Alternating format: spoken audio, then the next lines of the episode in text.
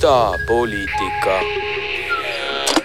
tere, tere, idapoliitika on jälle eetris ja ma ei hakkagi enam ütlema, teab mitmendat korda, sest et mulle tundub, et idapoliitika on juba ennast päris hästi kehtestanud saade, me oleme tulnud, et jääda. mina olen Mariann Võsumets ja tere, Mats Kuuskemaa. tere, Mariann. kus läinud on? Suvi kaob lihtsalt, keegi röövib seda aega, ma ei tea, kuidas sinul. pudeneb sõrmede vahelt läbi, kusjuures ma täna hommikul mõtlesin, suvi on äh, mul ei ole suvedega üldse mingisuguseid toredaid kogemusi, nad on alati kas väga töised või väga palavad. ja selle suve puhul mõlemad korraga, nii et ma isegi nagu ootan lootusrikkalt, ähm, mida sügis toob, et äkki toob mingisugust leevendust. aga see on alati see, et elu läheb homme lihtsamaks, nii et ega ma väga palju sellele ka nagu ei panusta me räägime tänases saates kahest huvitavast teemast, me tuleme appi Eesti Vabariigi parlamendile ja pakume Matsiga välja oma presidendikandidaadid, sest tundub, et see on miski, millega on läinud natukene raskeks. Tarmo Soomere nimi siin korra läbi käis, selgus, et tema ka ei sobi Jüri Ratas on öelnud kindlalt, et temal on teadmine, et Jüri Ratas presidendiks ei kandideeri ja saate teises pooles on meil üli super mega äge külaline Martin Kilp, kes töötab olenemata asukohast, töötab ta Silicon Valley's. Äh, miks ma ütlen olenemata asukohast, on see, et on juba maikuust olnud Tallinnas, nautinud Eesti mõnusat kompaktset elu, aga tegemist on ikkagi laia haardega titaaniga, kui nii võib öelda. Martin muigab siin juba, on valmis valmis.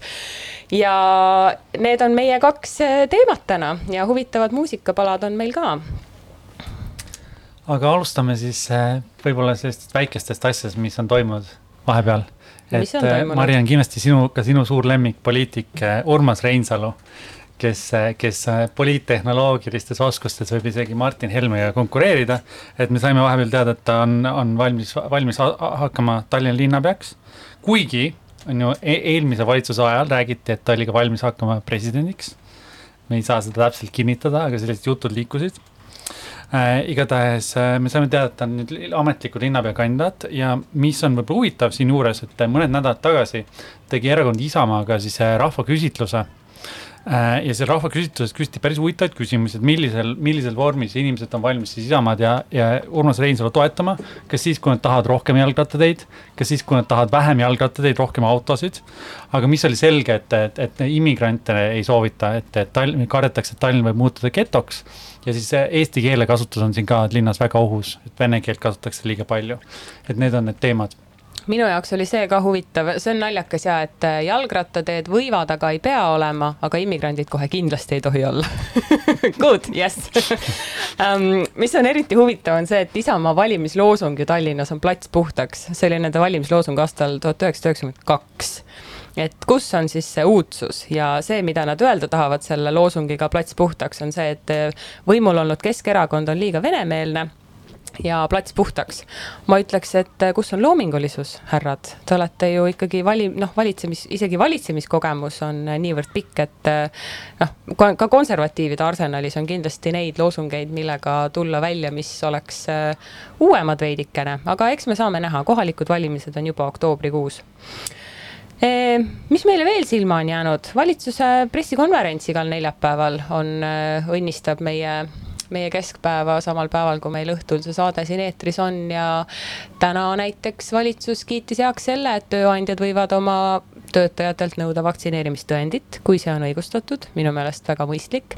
ja tegelikult on see alati nii olnud see ei ole mingisugune pandeemiaga saabunud äh, uus äh, füürerlik maailmakord, vaid tegelikult, kui inimene on äh, põhjendatult ohtlik kas klientidele või kolleegidele, siis ta peab olema kas vaktsineeritud, kandma kiivrit, kandma vajalikku tööriietust, pesema käsi, täitma mingisuguseid pabereid, et see noh, et see ei ole miski, mille üle tasuks erutuda, aga nüüd justiitsministeerium koos justiitsministriga eesotsas on leidnud, et ähm, vaktsineerimine tõepoolest on teinekord täiesti hädavajalik vajalik ja kui asjad peaksid nii kaugele minema, siis on teatud juhtudel tööandjal õigus vallandada töötaja, kes vaktsineerimisest keeldub meil oli ka uudis, et talvel, kui mõned vaktsineerimata siis meditsiinitöötajad viisid nagu vähihaigetele koroonat, et see, et see on, see on reaalne teema. see on ikkagi halb lugu jah, ja valitsusest rääkides, siis me mõtlesime Matsiga, et me tahaks Valgevene teema ka ära puudutada, kuna kuna sellest on palju nii-öelda poleemikat tekkinud, et rändesurve ja kõik need asjad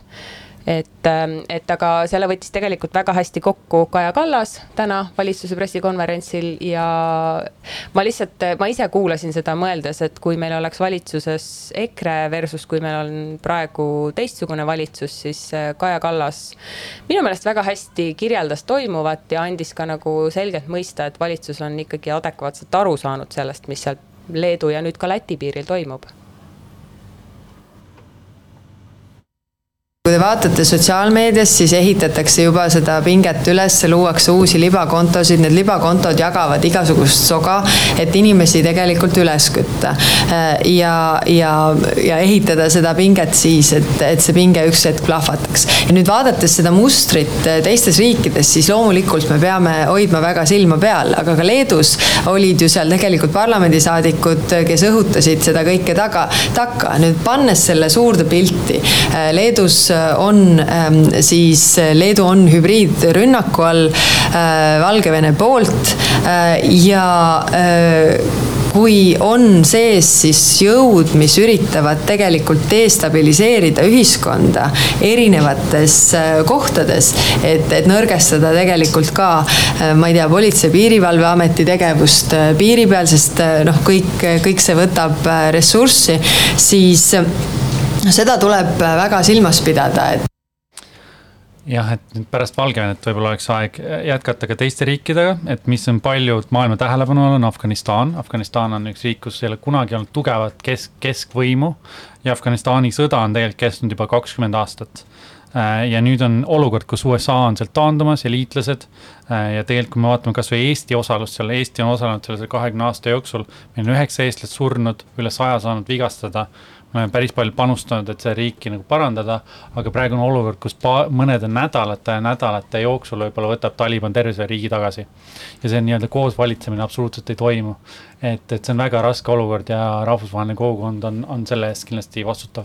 mina sattusin hiljuti lugema ühe afgaani kirjutatud raamatut, mis nüüd mul praegu ähm, ei, ei tule praegu ta nimi meelde, see oli ka Pulitzeri preemiale vist nomineeritud, kes kirjutas ka sellest, et, ähm, et tegelikult see, kuidasmoodi noh, väga suur osa sellest, kui USA väed seal sees olid, tekitas olukorra, kus paljud kohalikud olid sunnitud minema, mitte sunnitud minema Talibani poolele üle, aga kes hakkasid Talibanis nägema mingisugust lootust, sellepärast see USA pikale veninud protsess ei andnud tulemusi ja lõppkokkuvõttes ka praegu, kui need väed sealt välja viiakse, ei ole selles riigis piisavalt tugevat keskvõimu ja, ja see nii-öelda tsiviilelanik on ikkagi niivõrd nagu segaduses ja tegelikult on kogu rahvusvaheline kogukond segaduses, et, et, et ütleme, see afgaan jah, kes selle raamatu kirjutanud oli, väga edukaks seda protsessi ei, ei pidanud ja tegelikult toimus seal ka USA sõjaväe poolt ikkagi väga palju äh, üpriski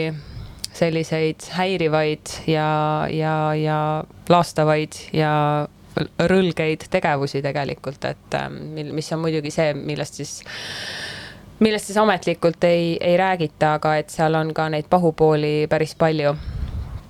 Ja see on väga keeruline maastik, mida militaarvaatenurgast nagu enda, enda alla võtta, et seda nimeta-, Afganistan nimetatakse impeeriumide surnuaiaks, et nii Briti impeerium üritas seda vallutada kui ka Nõukogude Liit ja kumbki ei saavutanud seda ja mõnes mõttes pärast seda algas nende allakäik ja, ja tegelikult alles just praegu äh, siia tulles jäi mulle silma üks ERR-i uudis ja ma hakkasin mõtlema seda lugedes, et ühesõnaga pealkiri on siis see, et USA senat loobus kriitilise rassiteooria õpetamise rahastamisest. ja ma tahaks teada, kas see inimene, kes selle kirjutas, on teadlik esiteks, mida mõeldakse selle all ja kust pärineb termin kriitiline rassiteooria. ja kui ta seda ei tea, siis tasuks tal lugeda New Yorkerit, mis kirjutas just eelmisel kuul sellest, kuidasmoodi üks paremtiiva aktivist nimega Christopher Ruffo genereeris sellise väljendi nagu kriitiline rassiteooria selleks, et tekitada segadust väga lihtsal teemal. kriitilise rassiteooria all mõeldakse põhimõtteliselt lihtsalt kriitilist mõtlemist ja ühiskonnakriitikat, kuidas me räägime rassismist kui süsteem süsteemsest nähtusest, millel on oma ajalugu, eriti USA-s. no siin ei ole midagi nagu vaielda ja siis tuleb mingisugune vend, kes ütleb, et see on äh, mingi teatud poliitilise rühma välja mõeldis, et tegelikult üldsegi rassil üldse USA-s mingit ajalugu pole ja kriitiline rassiteooria on välja mõeldud kriitilise mõtlemise vorm, ühesõnaga väga palju segadust suutis ta sellega tekitada. ja, ja tegelikult mingit poleemikat siin ei ole, aga see on jällegi nagu selline sõnamäng, millega on võimalik äh, mobiliseerida inimesi.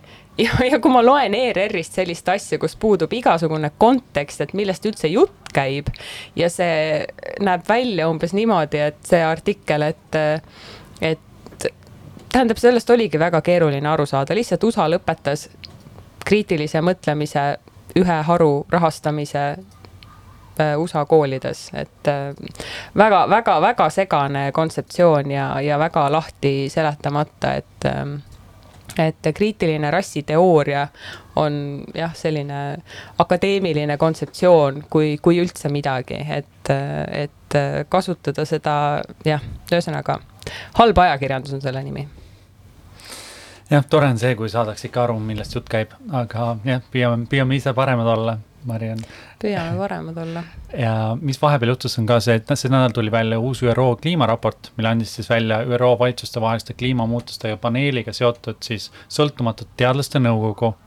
ja see oli väga negatiivne ja põhimõtteliselt öeldakse, et äh, kliima soojenemise ühe koma viie kraadi juures hoidmine ja selle hoidmine olukorras, kus see nagu ei, iseenesest ei, nagu lõputult ei keri, on, on peaaegu nagu käest minemas, et väga ruttu peaks riigid palju rohkem tegema.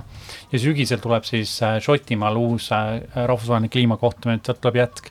aga mõnes mõttes jah, kliima on kõikidest poliitilistest teemadest kõige olulisem. see on praegu üliaktuaalne teema to, totaalne punane tuli anti ikkagi sel nädalal välja, et see asi hakkab muutuma väga, väga kriitiliseks ja kliima ei ole selline teema, mille puhul noh võiks kanalit vahetada ja mõelda, et ähm, läheb mööda ja ma vaatan toredaid uudiseid, et ühel hetkel sa lihtsalt ei vaheta kanalit enam, kui, kui asjad niimoodi edasi lähevad. aga me hakkame kohe rääkima presidendivalimistest, ähm, sellest, kes kandideerib ja kes ei kandideeri, hetkeseisuga keegi ei kandideeri.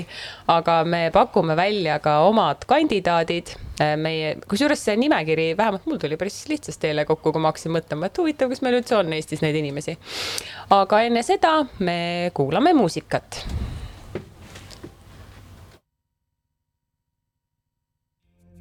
thank you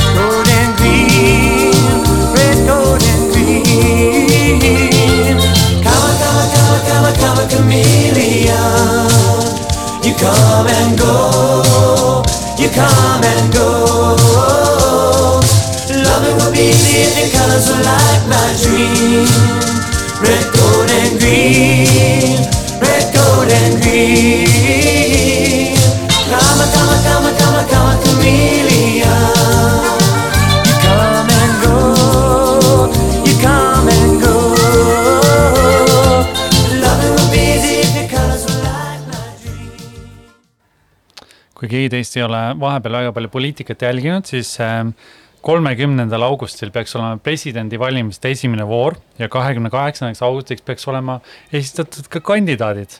ja kui te ei ole viimaseid arenguid näinud, siis Õhtuleht võtab selle ilusti kokku, tänane, tänane seisukoht äh, Tannar Leitmaa valimist on jäänud X päeva blä,, blä-blä-blä, et lugege seda, see võtab kõik arengud kokku aga me tahtsime rääkida sellest, et milline võiks olla meie president meie, meie vali, valimiste järgi. jah, natuke nutune see nagu on, et need kandidaadid, et ühtegi nime justkui ei ole, et ähm, et, äh, et me panime tõesti oma nimekirja kokku, et me mõtlesime, et, ähm, et tuleme siis appi appi ja mina alustaksin oma listi sellise nimega nagu Kadri Liik, kes on suurepärane välispoliitika analüütik, endine ajakirjanik, ka vanuse poolest ta sobib. Kadri Liik on alati väga sümpaatne, Kadri Liik on alati see inimene, kes on Välisilma saates ETV-s siis, kui on rää vaja rääkida mingisuguseid asju ja ühtlasi siis, kui neil tuleb meelde, et vahepeal on seal saates liiga vähe naisi, siis on see alati Kadri Liik, kes sinna läheb. ta on alati väga sümpaatne ja suurepärase profiiliga minu meelest presidendi jaoks. kes sul on number üks listis? Jah, ma ütleks seda, et äh, minu jaoks on kolm teemat, mis on kõige olulisem, mille järgi ma valisin kandidaat, üks on õigus, et põhiseaduse kaitse, sest äh, president kuulutab kõik seadused välja. ja et ta peaks rohkem võib-olla panust panema sellele, see on üks hästi oluline funktsioon, teine on välispoliitika, nagu sa mainisid.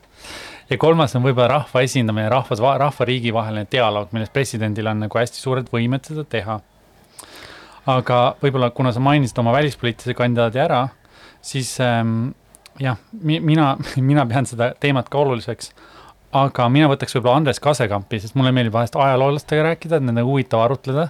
ja ta, ta haarab no, välispoliitikat väga hästi, aga ta on päris huvitavaid asju kirjutanud ka näiteks paremäärmuslusest kahe Eesti vahel sa lähed nii, meil läheb nii sujuvalt see üle praegu, sest mina tahaks jätkata ajaloolasega, kusjuures Andres Kasekamp oleks absoluutselt suurepärane kandidaat. olgu öeldud, ma arvan, et kõik need nimed, keda me siin välja käime, ma arvan, et neil on paremat või huvi, ütleme mitte paremat, mis saaks olla paremat kui Eesti Vabariigi president. ma arvan, neil on huvitavamat teha, ma arvan, et ükski ei ole sellest ametist huvitatud. aga noh, me võime ju nagu noh, wishful thinking nagu ikka on tore, on ju. et mina läheks siit edasi ajaloolainetel ja ütleks Pärtel Piirimäe kes on, kes uurib varauusaegset riiklust, Euroopa ideede ajalugu, Euroopa poliitiliste ideede ajalugu. ta oli minu üks õppejõude Tartus väga-väga selline väga sümpaatne ja väga nagu omas, ehm, no ütleme, tal on nagu ka kõik need omadused, mida oleks vaja presidendil, kes nagu maailmast ja ühiskonna ja poliitika toimimisest aru saab. Äh, Pärtel Piirimäe pole väga meedias kunagi sõna võtnud ja kui ma ta nime eile guugeldasin, siis ma vaatasin, et ohoo, et sellel kuul, august kaks tuhat kakskümmend üks on Pärtel Piirimäe kirjutanud Päevalehte arvamusloo vaktsineerimise teemal ja sellest, kuidas näiteks äh, me ei saa seda My body, my choice'i otseselt Eestile üle kanda, kui me seda ameeriklastelt nagu tahame võtta ja sellepärast, et Ameerikas on igal inimesel oma personaalne vastutus, siis kui ta haigeks jääb, siis ta peab maksma selle eest, aga Eestis on pigem niimoodi, et me tahame, et vabadused oleks individuaalsed ja vastutused oleks kollektiivsed. Ja sellepärast meil ongi vaja selliseid inimesi nagu Pärtel Piirimäe, aga mitte ainult, kes suudaksid meile abstraktseid ühiskondlikke nähtusi selgitada niimoodi, et me kõik saame aru. Ja ka see on presidendi roll minu meelest. nii et mina ütlen Pärtel Piirimäe ja ma lisan siia veel Marek Tamm ka põhimõtteliselt kõikidel samadel põhjustel. Jah, mina lisaks võib-olla siia listi ka Rait Maruste, sest eh, või noh, ma arvan, et seda, nagu ma rääkisin, õigusvaldkond on hästi oluline ja Rait Maruste on, on olnud Riigikohtu esimees ja ta on kaksteist aastat olnud Eesti nimetatud kohtunik Euroopa Inimõiguste Kohtus. ja presidendi olulisem roll mõnes mõttes on, on, on hoolitseda selle eest, et kõik seadused, mis Riigikogu vastu võtab, oleks põhiseadusega kooskõlas.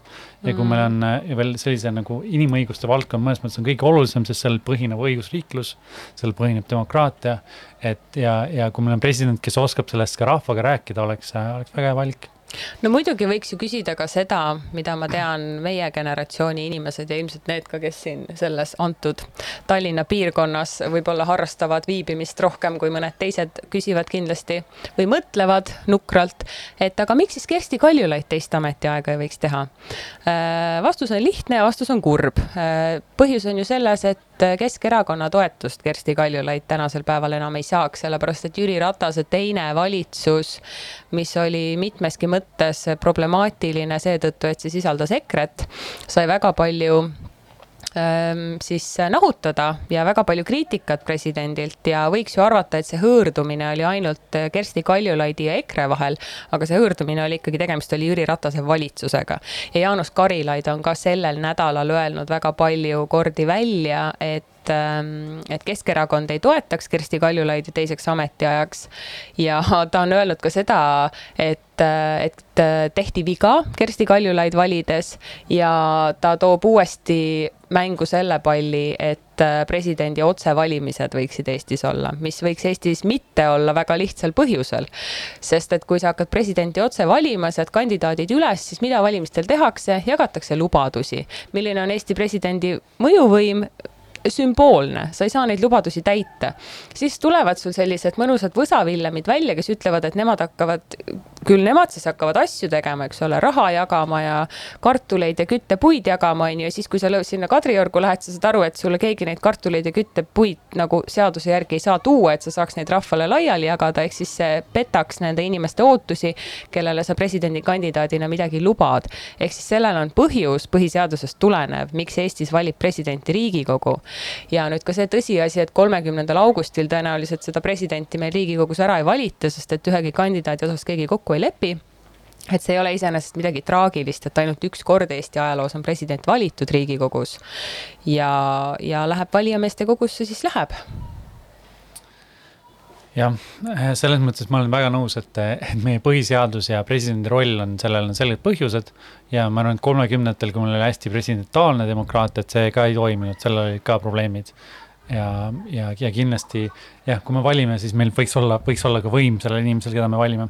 aga Kersti Kaljulaiu osas ma ütleks seda, et ta on, ta on väli, välispoliitiliselt riigipeana päris hästi hakkama saanud. et väikeriigina on ikkagi see, et, et see võtab aega, et sind saada, saada tundma, on ju, inimesed teavad sind. kui meil oli EKRE valitsus, siis tol hetkel äh, ja mida palju kritiseeriti rahvusvaheliselt, tol hetkel Kaljulaid oli alati oodatud Pariisi, Berliini, muudesse kohtadesse, ta hoidis meie suhteid, meie riigi imidžit päris hästi üleval.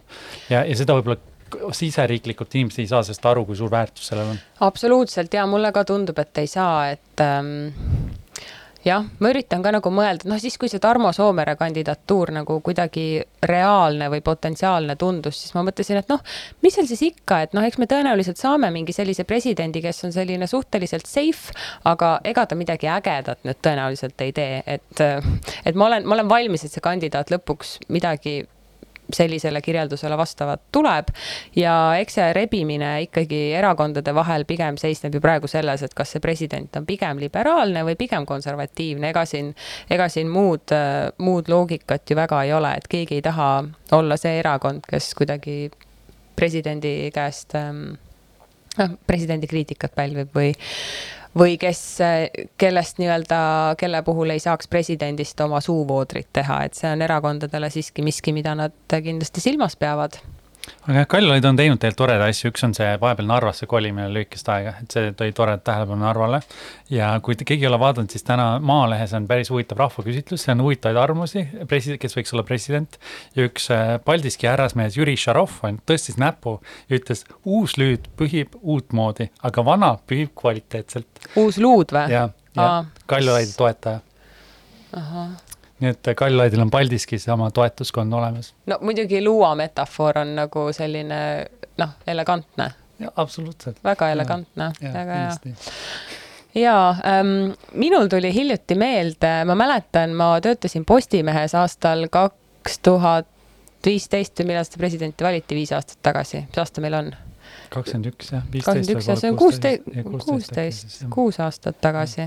ühesõnaga siis, kui, kui seda presidenti valiti, Riigikogus olid pikad päevad, iga päev muudkui valisime või noh, kajastasime, nemad valisid, meie kajastasime. ulmemaraton oli, ma mäletan küll ja lõpuks tuli Kersti Kaljulaid siis äh, musta hobusena ja sai presidendiks. aga kui tema ja temast ju avalikkus teadis võrdlemisi vähe ja see tekst, mis hakkas ringlema meedias, kui Kersti Kaljulaid oli lõpuks juba väga kindlal kursil presidendiks saamas, oli üks Arvamusfestivali kõne, mille Kersti Kaljulaid oli pidanud Postimehe alal.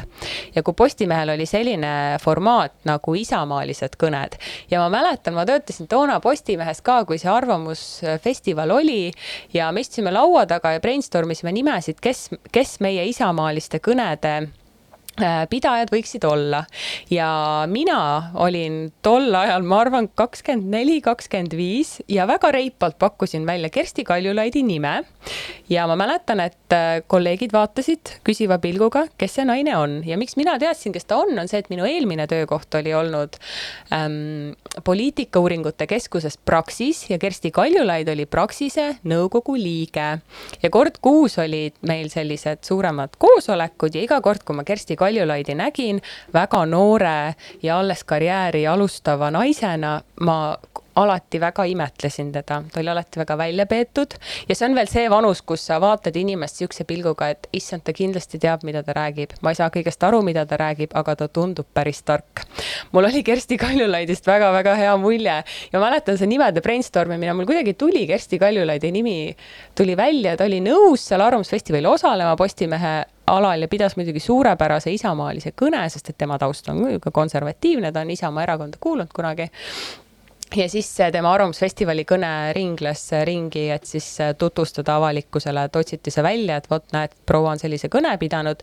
ja siis mul oli natuke sihuke tore tunne, et ma olin ta nime välja pakkunud, et sihuke väga mõnus selline noh, saad natukene ennast kõrvust kergitada ma tahaks veel pakkuda välja paar kandidaati lõpetuseks. muidugi paku.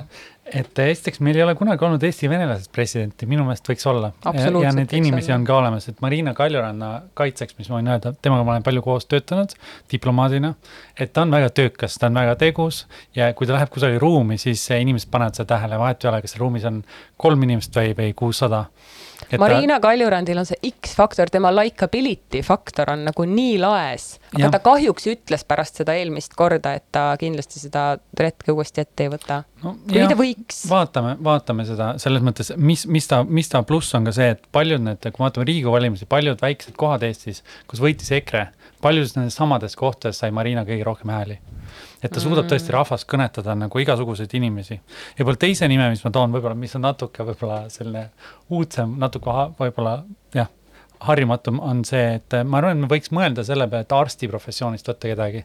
sest meil on koroonakriis jätkuvalt ja, ja see ei lõpe ega lõpe ära. ja teine on see, et meie koroonakriis, kui me vaatame, kus inimesed, kuidas nad vaktsineeritud Eestis, ma ei tea, keskmiselt viiskümmend protsenti. Lasnamäel, Narvas üks kolmandik. et võib-olla see võiks olla mõni tore Eesti venelasest arst ja meil on äh, selline härra olemas nagu Arkadi Popov, kes kuulub vist, ma ei tea, kas ta on Keskerakonna. Arkadi presidendiks. et, et selles mõttes mõtleme jah, et nimesid võiks, võiks visata kuule, see oleks, ma, tead, näita mulle ühte inimest Eestis, kellel on midagi Arkadi Popovi vastu. ühte inimest jah, ma arvan, see, see väärtus oleks ikkagi see, et vene kogukond tunneb, et neil on oma jope nagu noh, valitsuses ja see on nagu või riigi, riigi, riigi no..., riigi, riigi tipus. ja, jah äh,, luuad ja joped ja okei okay,, okei okay,, okei. Oma jope. aga Arkaadia, ta täpselt, Arkaadia oleks täpselt see talvejope, kelle ma tahaks ümber võtta, minnes vastu uue presidendiga talvele ja koroona kolmandale lainele ja pandeemiale ja kliimakriisile ja sellele, et venelased võiks olla absoluutselt rohkem kaasatud. Oh my god, see on ülihea mõte aga ja. meil on häid mõtteid palju, et lihtsalt äh, riigikogulased, võtke ühendust, et, äh, Mariann annab teile ja, veel no, teadet ja. ja täpselt, et see on väga hea, et te seda saadet praegu kuulamas olete. Äh, kindlasti mõned riigi, kusjuures see ei ole üldse nali, riigikogu liikmed on kuulanud seda saadet, mul on, ma tean. nii et kui te seda praegu kuulasite, võtke, nimekiri on pikk, me oleme nii suure töö teie eest ära teinud ja ma arvan, et oleks aeg võtta kuulda rahvast, kes meie muu, kes me muud, mina ja Mats siin oleme, kui ka rahvas nii et äh, palun, väga häid, väga palju häid kandidaate kõlas siin praegu aga Mats, mis sa arvad, ikkagi läheb valimiskogusse, eks ole, see presidendi? Ma arvan, et seda, et see võib lihtsalt nii äkki ära tulla, selles mõttes, et Kaljulaidi kandidaatuur tuli ka viimasel hetkel, et kui viimasel hetkel on jama käes, vaata siis ma arvan, erakonnad suudavad kõik asjad kokku leppida. aga lihtsalt enne seda mängitakse nagu mingeid suvemänge, murumänge vist, mulle tundub mm. -hmm. murumäng, no vot on jah, ja kusjuures nende murumängude juurde käib ju see ka, et kui siin ikkagi praegu nii valitsus kui mittevalitsuserakonnad omavahel kohtuvad, tagaajas murumänge mängivad ja kooke söövad, nagu me teame varasematest suvedest, kui on valitsus valitsuslepituskohtumised olnud, siis ega presidendi arutamise kõrval praegu ei ole üldse välistatud, et juba arutatakse ka võimalikke potentsiaalseid tulevasi uusi koalitsioone arvestades EKRE tõusvat toetust, arvestades Reformierakonna kahanevat toetust, nii et ma arvan, et kui on toimunud mõni murumäng, kus EKRE ja Keskerakond on arutanud presidendikandidaati, on seal tõenäoliselt arutatud ka muid võimalikke väljavaateid tulevikus ja see on absoluutselt spekulatsioon mul muidugi praegu, aga ma ütlen, et see oleks väga veider, kui see nii ei oleks. võib-olla see on ka Tallinna linna konteksti vaataks natuke, et Tallinna linnas tegelikult keskitoetus on päris palju kukkunud, seda on korjanud üles Eesti kakssada ja, ja samamoodi EKRE mingil määral, aga samas on jällegi see, et, et kuigi inimestele meeldib EKRE, siis neile meeldib ka meie linnapea Tallinnas on ju. et mm -hmm. linnapeal on väga suur toetus, et, et vaatame, vaatame, mis juhtub vaatame, mis juhtub jah, aga vankumatul tõusukursil EKRE muidugi on aga vahepeal kukub ka, Mariann, ei ole, see ei ole nii ühtne. Neil on natuke see, et üks samm tagasi, kaks edasi. ma ei tea, ärevad ajad, ärevad ajad. opositsioonis on lihtsalt väga populaarne olla, ma arvan, et see on see reaalsus, et nad ei ole sellest kahekümne viiest kusagil üles läinud, nad on ikka kukkunud kahekümne poole tagasi, et selles mõttes see ei ole nagu nii ühes suunas ainult. aga neil on väga mugav positsioon, kus olla. väga mugav me hakkame kohe rääkima sellest, milline on elu ja töökultuur Silicon Valley's Californias ja meil on külas Martin Kilp, kes on absoluutselt väga muljetavaldava karjääriga noor eestlane. Ja selle järgmise loo ma pühendaksin tehnoloogia jumalatele Silicon Valley's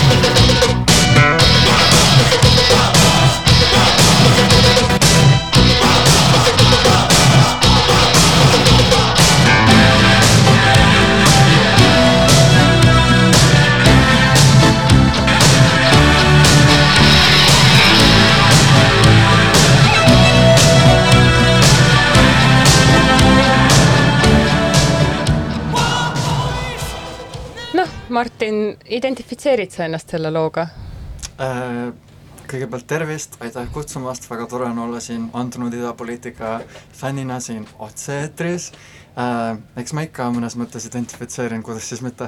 minu meelest see on nii äge, et Martin on ühtlasi ka idapoliitika saate kuulaja, aga tõesti, tere tulemast sulle siia idapoliitika saatesse ja kusjuures täiesti personaalselt, sa ei ole meiega Zoomis, sa oled meiega täitsa, täitsa kuudis olemas konteineris koha peal sa oled Eestis olnud maikuust alates.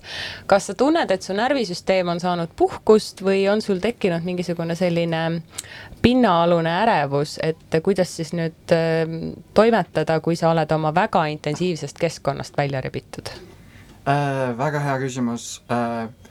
kindlasti puhkus, selles mõttes, et äh, minu jaoks ikkagi Eesti, Eesti on selline koht äh, kust ma olen pärit, äh, siin on minu tugisüsteem, minu äh, sõbrad ja pere, minu juured, et kui ma tulen siia, siis ma tunnen kohe, et see toidab hinge, eriti niisugune põhjamaine suvi on midagi täiesti teisest puust, et inimestel on, inimesed kõik leiavad kevadeti niisuguse uue hingamise ja siis äh, kuna ilm on vaid piiratud aega kena, siis kõik üritavad võimalikult palju teha võimalikult väikse aja jooksul, nii et äh, kindlasti see mõjub niimoodi nagu äh, uh, refreshing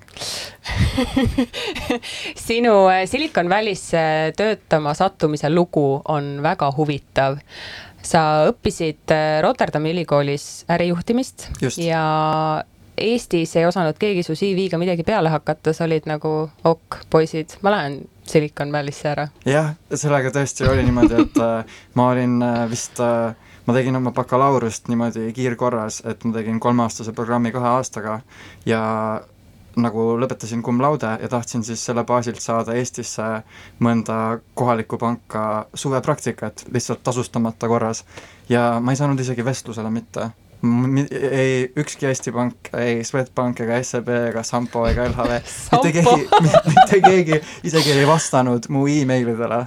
ja siis ma leidsingi ennast lõpuks USA-st ja ajutisest praktikast äh, LA-st kasvas välja karjäär Silicon Valley's ja see firma, mille jaoks sa töötad, on Afterpay, see tegeleb siis krediidi pakkumisega? just, see tegeleb äh, buy now, pay later teenuse pakkumisega, ehk siis äh, pakub inimestele intressivaba järelmaksu võimalust, et see idee on siis selles, et äh, nii-öelda demokratiseerida äh, krediiti ja ligipääsu finantsvahenditele, et inimesed ei peaks maksma äh, nagu intressi sellistele igapäevaste äh, kulutuste pealt siis väga lihtsalt öeldes intressi maksab äh, müüja, mitte ostja.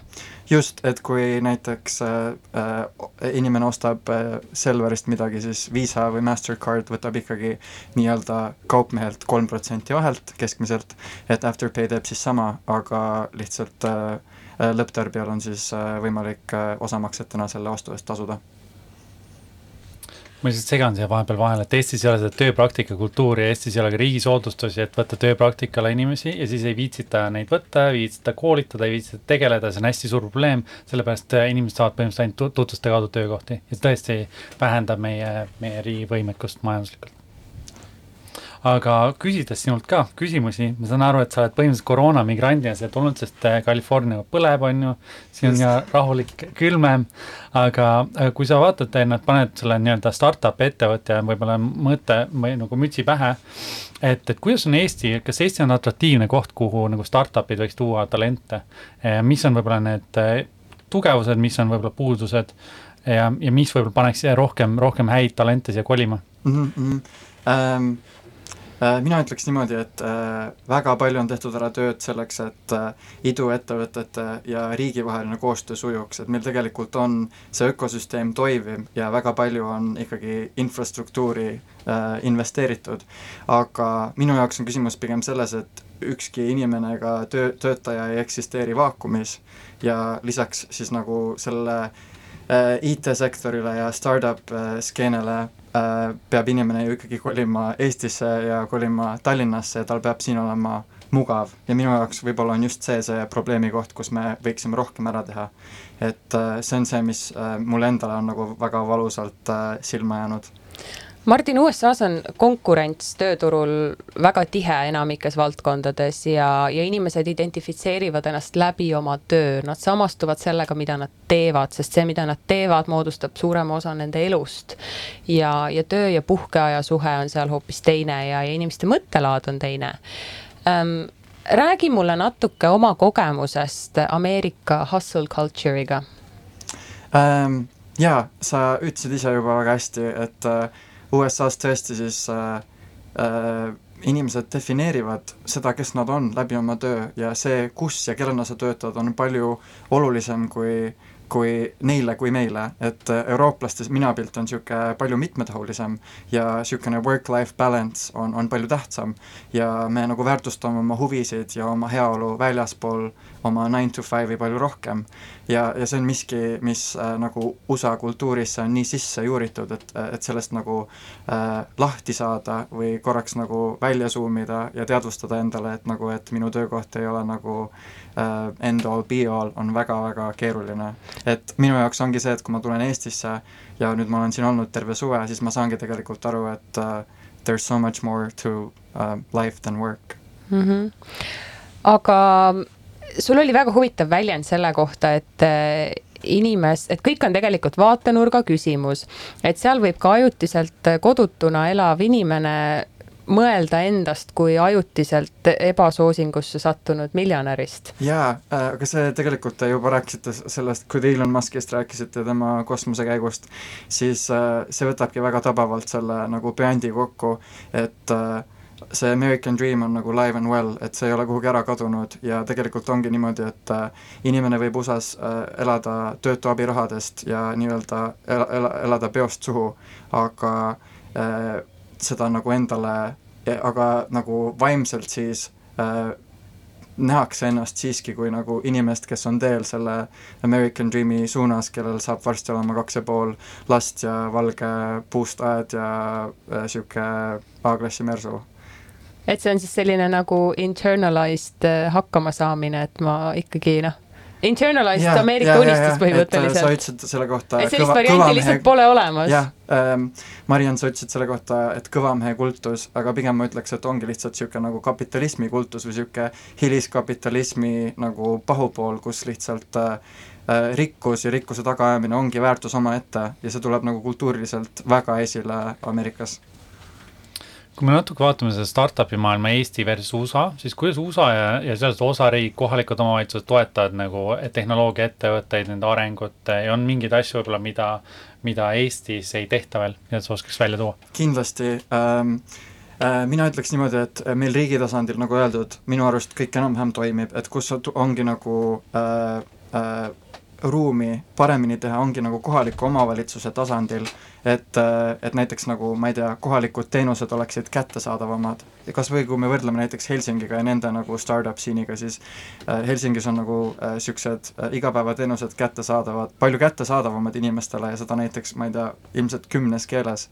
et meil on isegi kohalikul vene kogukonnal probleeme teatud teenuste kättesaamisega, eriti väljaspool Tallinnat. et äh, see on väga suureks nagu äh, valukohaks äh, minu arvates ja teiseks äh, näiteks Silicon Valley's on äh, pooled IT-ettevõtted, iduettevõtted loodud äh, äh, immigrantide poolt.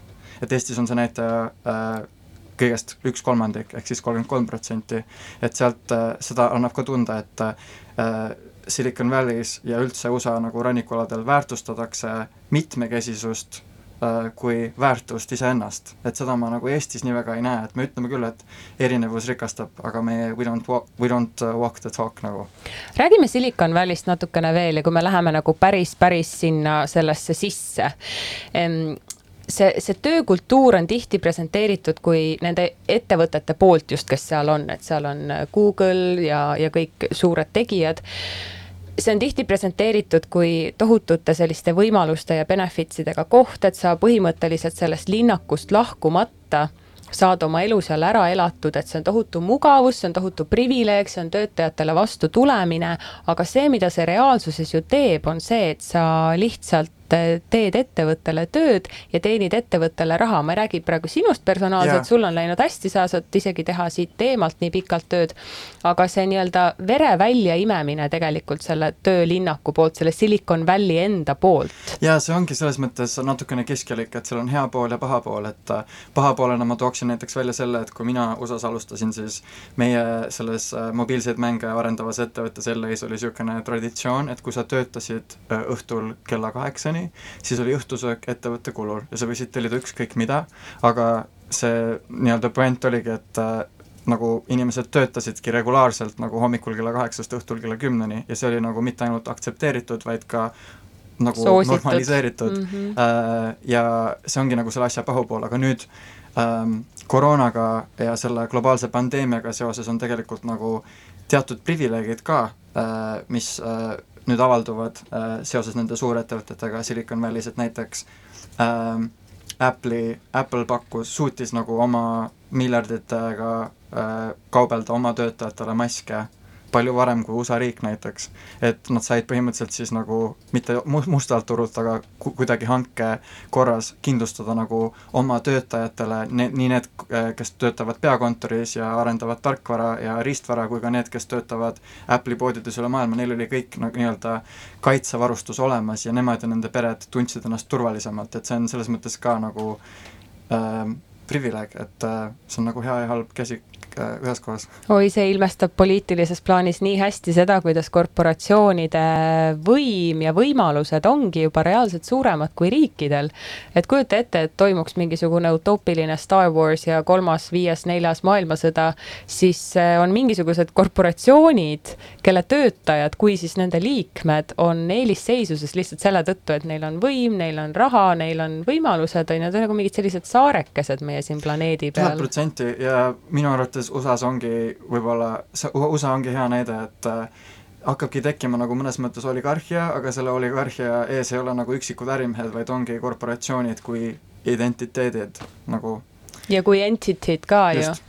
ju, jah ja ei, see on huvitav jah, mis sa rääkisid enne ka sellest sotsiaalsest mobiilsusest, et inimesed lihtsalt ei, ei näe seda reaalsust, nad ei näe neid numbreid, nad usuvad sellesse kui religiooni natuke, nagu sa räägid aga ma küsiks võib-olla hariduse kohta, ma tean, et sa ei ole Eestis ülikoolis käinud, aga kui me mõtleme Eesti haridust, vaatame laiemalt, siis kas see on, kas see on nagu sobiv sellele maailmale, mis meil siin väljas on, sellele, et me tahame tehnoloogiasektorisse, tegelikult me tahaks, et see oleks mingi hetk kakskümmend protsenti meie majandusest. et, et kas seal on võib-olla mingeid asju, mida me võiks muuta, arendada Ähm, jaa, kindlasti on, ma arvan, et Eestis on tegelikult praegu veel hästi, aga kui me kas või mõtleme äh, näiteks UK peale ja selle peale, kuidas äh, Euroopa Liidu äh, õpilased peavad nüüd maksma nii-öelda nagu kolmandate riikide õppemaksu, siis see on mõnes mõttes väga halb nagu Äh, Euroopa kui regiooni sidususele ja meie nagu regionaalarengule. Äh, et äh, see on kindlasti üks asi, mida tuleks vältida, et kui vaadata Eesti seda startup scene'i, siis tegelikult on palju rohkem tehtud tööd selle nimel, et imponeerida tööjõule ja ettevõtetele idabloki riikide hulgas, et meil on väga tihe koostöö Ukrainaga, Gruusiaga ähm,, nagu tervel siin, nagu Ida-Euroopas on, sellesse on hästi palju investeeritud ähm, et äh, aga samas kõik need, väga mitmed nendest riikidest eksisteerivad väljaspool Euroopa Liitu, et mida me siis teeme, et äh, mitte ainult nii-öelda palgata neid siia juba palgatööle ja nagu äh, äh, vaid, vaid ka edendada seda, et nad saaksid siin käia koolis ja et neil oleksid võrdsed võimalused ja et ne-, ka neile oleks garanteeritud äh, äh sotsiaalne mobiilsus absoluutselt, Eesti ju konkureerib praegu Ukrainaga ju peamiselt, kui me räägime startup'i talentidest ja, ja uutest ähm, arendajatest. ja kui me mõtlemegi selle idabloki peale, kasvõi Eesti peale tegelikult, et äh, mitte väga paljud, aga mõned ju siiski lähevad ka, eks ole, nii nagu sina, on ju, USA-sse, Silicon Valley'sse välja, aga see müüt, mis sellega kaasas käib, on see, et see konkurents on seal riigis jube tihe, mis kõlab loogiliselt ja ongi loogiline, sest et seal on väga palju inimesi. aga räägi natuke sellest, kas sinu meelest tihe konkurents USA-s, mis paneb paljusid inimesi mõtlema, et ma ei hakka isegi üldse proovima, kas see on päriselt nii või on see ka natuke müüt? ma ütleks, et see on sada protsenti müüt, sest et äh, siin on natukene see fenomen, et äh, keskmine ameeriklane, nagu American excep-, exceptionalism, et keskmine ameeriklane arvabki, et äh, lihtsalt nagu äh, tema päris õigus lihtsalt ameeriklasena sündides on see, et ta ongi kõigist teistest parem ja tal on niisugune kõige halvemas mõttes keskmise valge äh, heteromehe enesekindlus. et nad tihti kandideerivadki töödele, kus nad teavad, et nad tegelikult ei olegi kvalifitseeritud, et see mahuliselt võib võib-olla konkurents olla tihedam, aga see ei tähenda, et äh, see nii-öelda oleks kvaliteetne äh, valim, et äh, see on kindlasti miski, mida ma olen täheldanud, et näiteks Eestis on ju, Eesti on väga äh, haritud äh, äh, riik ja ühiskond, et meil on väga suur protsent äh, nagu meie elanikkonnast kõrgharidusega. et USA-s see kindlasti nii ei ole, aga see ei peata kedagi kuhugi kandideerimast. That ain't gonna stop me ehk siis kõik, kes on vähegi mõlgutanud mõtteid minna mm, USA-sse või mujale õppima või tööle või mida iganes tegema ja kui te mõtlete, et äkki te ei ole piisavalt head, siis tegelikult juba selle mõtte mõtlemine aeg-ajalt, mitte alati, aga aeg-ajalt on võib-olla märk sellest, et äh, te olete analüüsivõimeline inimene ja ma olen hästi nõus sellega, mis sa räägid talendi siia toomisest ja ma ise töötangi rohkem võib-olla Lääne-Euroopaga ja sealt ka inimesed, ma arvan, tuleksid hea meelega Eestisse tööle rohkem. aga me tegelikult ei, ei oska sellega nagu tegeleda, aga meil on talente väga vaja aga.... kusjuures ma korraks segan vahele, et äh, mind, mis mind kunagi tegelikult häiris, oli see, meil oli selline projekt või kampaania nagu Talendid koju. Ja minu jaoks oli just selline äh, nagu ma saan aru, et taheti head, aga minu jaoks see nagu teematõstatus oligi selline äh, nagu see ei olnud inklusiivne, et me, kui me ütleme talendid koju, siis me ju tegelikult ootamegi siia tagasi inimesi, kelle jaoks Eesti on kodu. et me ootame omasid jopesid, nagu te siin varem ütlesite, tagasi, aga what about everyone else, nagu, et kui me tahame olla avatud ühiskond, kui me tahame olla Euroopa mastaabis konkurentsivõimeline, siis me peaksime siia üldse olema õnnelikud, et keegi üldse tahab siia tulla, eriti veel kvalifitseeritud tööjõud, mis aitab meil nii-öelda mõistusega võistelda Berliiniga äh,, Kiieviga, Helsingiga ja nii edasi jah, see küsimus oligi just see, et, et kuidas me teeks neile nagu elu lihtsamaks, et neil oleks mugavam siia kolida, et äkki sul on mingeid tähelepanekuid, et kuna Mariann ütles, poliitikud kuulavad, siis peaks selle wish list'i neile andma edasi.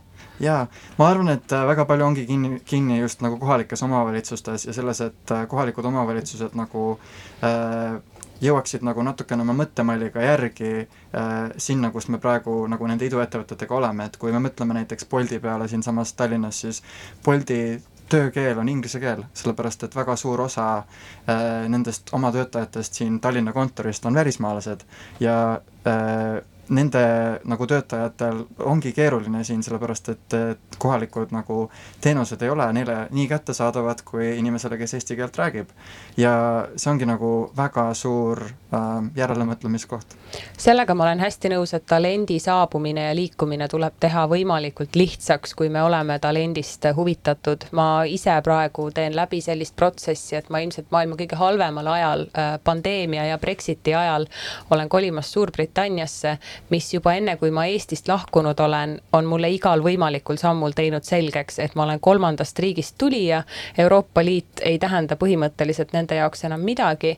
üks asi on viisaprotsess ja viisa on minu jaoks selline asi, et noh, Euroopa piires reisides see on juba noh, see on juba mingisugune tõkend ees.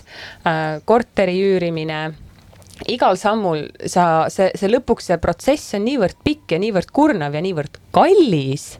Äh, ja ma kujutan ette, et see on paljudele, kes tulevad äh, noh, kes lähevadki ühest riigist teise, mis ei ole nagu ühe ploki riik, selles mõttes, kui me räägime nagu mitte Euroopa Liidu sisesest liikumisest, et sulle jõuab selle protsessi lõpuks kohale, et et on see seda ikka nagu tegelikult väärt? jaa, kusjuures äh, siinkohal tookski hea näite Helsingist, kus Helsingi niisugused suuremad äh, äh, IT-ettevõtted nagu Supercell ja Smartly teevad väga tihedat äh, koostööd äh, Helsingi kohaliku omavalitsusega äh,, linnavalitsusega, kus siis äh, nad nii-öelda tegid sellise reklaamikampaania nagu City as a Service ehk siis just, et imponeerida rahvusvahelisele nagu IT-kogukonnale, kes tihti räägivad nagu software as a service ja nii edasi, et, et, et Helsingi linn ongi nagu toimiv teenus, et äh, mitte ainult sul ei ole olemas lasteaiakoht oma lapsele, kui sa sinna kolid, vaid on ka tasuta äh, äh, arstiabi äh, ja sul on võimalik nagu äh, kõik teenused on sinule nagu arusaadavas keeles kättesaadavad.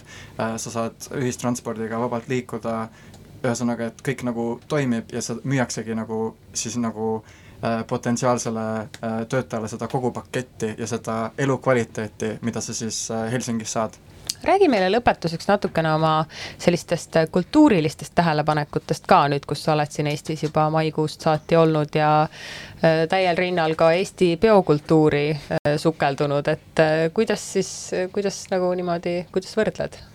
äh,? Ma ei tea, hea küsimus äh,. ma ei äh.. kus sa soovitad Marianil välja minna, et ta küsib nädalavahetuse plaane ilmselt? tahaks minna kuhugi. kusjuures ma just eile juhuslikult nägin Kanal kahe Reporteri saatelõiku, kus räägiti sellest, kui tore koht on äh, Potik ja siis ma mõtlesin, et tegelikult on ju äh, niimoodi, et äh, kuidagi see keskus, kus siis nagu kultuuriinimesed liiguvad, on järjest rohkem liikunud nagu kesklinnast kaugemale, et võib-olla kunagi oli meil Sveta baar jube popp Telliskivis ja Potik, aga nüüd, nüüd siis liikusime halli, nüüd liikusime siis üldse Manufaktuuri kvartalisse, et kui te ei ole veel käinud, siis see suvi on ühe suve projekt äh, seal äh, äh, äh, Manufaktuuri kvartalis selline koht nagu Uusloomekeskus ehk Ulm, kus toimuvad äh, väga äh, head niisugused äh, äh tehnomuusikapeod. Äh,, see on kõigile avatud ja see ongi selline äh, parim enne kuupäevaga koht. kuule, oota mis..., Martin, ma küsisin su käest kultuurilisi observatsioone, mitte kuhu peole minna. Mats küsis, kuhu peole minna ma, ma kuulan, kuulan, siis ma olen nagu mingi, oota, millest me räägime praegu, ma tean neid kohti. kuidas on Eestis, kas on siin nagu, kas see on konkurentsivõimeline peoskene, oli minu küsimus ähm,. kindlasti on, ma arvan, et äh, äh meil on nagu elatustase sedavõrd tõusnud, et äh, nüüd just hakataksegi väärtustama neid asju, mis ei ole äh, nagu tingimata läänelikud, vaid mis on meile omased, mis teevad meist Tallinnast niisuguse äh, originaalse sihtkoha, kuhu tulla, kus elu nautida, kus äh, kultuurielu on teinud väga see, et äh, siia tulles äh, ta,, Tallinnasse tulles on nagu Eestisse tulles, on lihtsalt neid võimalusi, mida teha äh, ja kus käia, nii palju äh, rohkem juurde tekkinud. hinnang Tallinna peoskeenele kümme, kümne palli skaalal? no niisugune äh, kaheksa ja pool. San Francisco? on üheksa, aga see on lihtsalt selle arvelt, et Burning Man on lähedal kas teie lähete eeloleval nädalavahetusel Arvamusfestivalile Paidesse?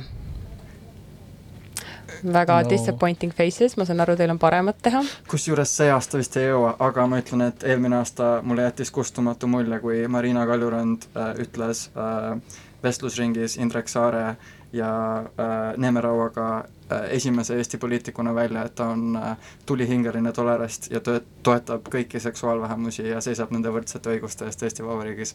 minule kui LGBT kogukonna liikmele jättis see lihtsalt äh, templimällu igaveseks ja äh, mul on väga hea meel, et Mats nimetas teda üheks oma äh, presidendikandidaadiks. Mulle tundub, et sõprussuhted vormuvad siin konteineris nüüd ja praegu, mille üle mul on väga hea meel. aga see on väga suur au olnud olla teie kõrvaklappides, kes te meid kuulanud olete, või teie kõlarites, oleneb, mis helisüsteem teil on kodus. andke meile teada, kui te kuulate kodukinosüsteemis idapoliitika saadet. Aga Arvamusfestival tõesti leiab aset ja kes meid otse nüüd on kuulanud, siis tulge Paidesse, kes meid otse pole kuulanud, siis aitäh ikka, et kuulasite. Me oleme teie teie peades ja teie valige, valige ära mõtetes oleme juba varsti tagasi, Mats tahab öelda, et valige president ära vahepeal. et list on olemas, et tehke ära. jah, et, et inimesed võiks koguneda ja siis ise valida ära. Riigikogulased, kes kuulavad. Ah,. riigikogulased. Ja, jah, õigus, teie ka, kes te kuulate. Teie minge valige see president ära, et kui me järgmise saatega tagasi oleme, et oleks valitud. Kuulmiseni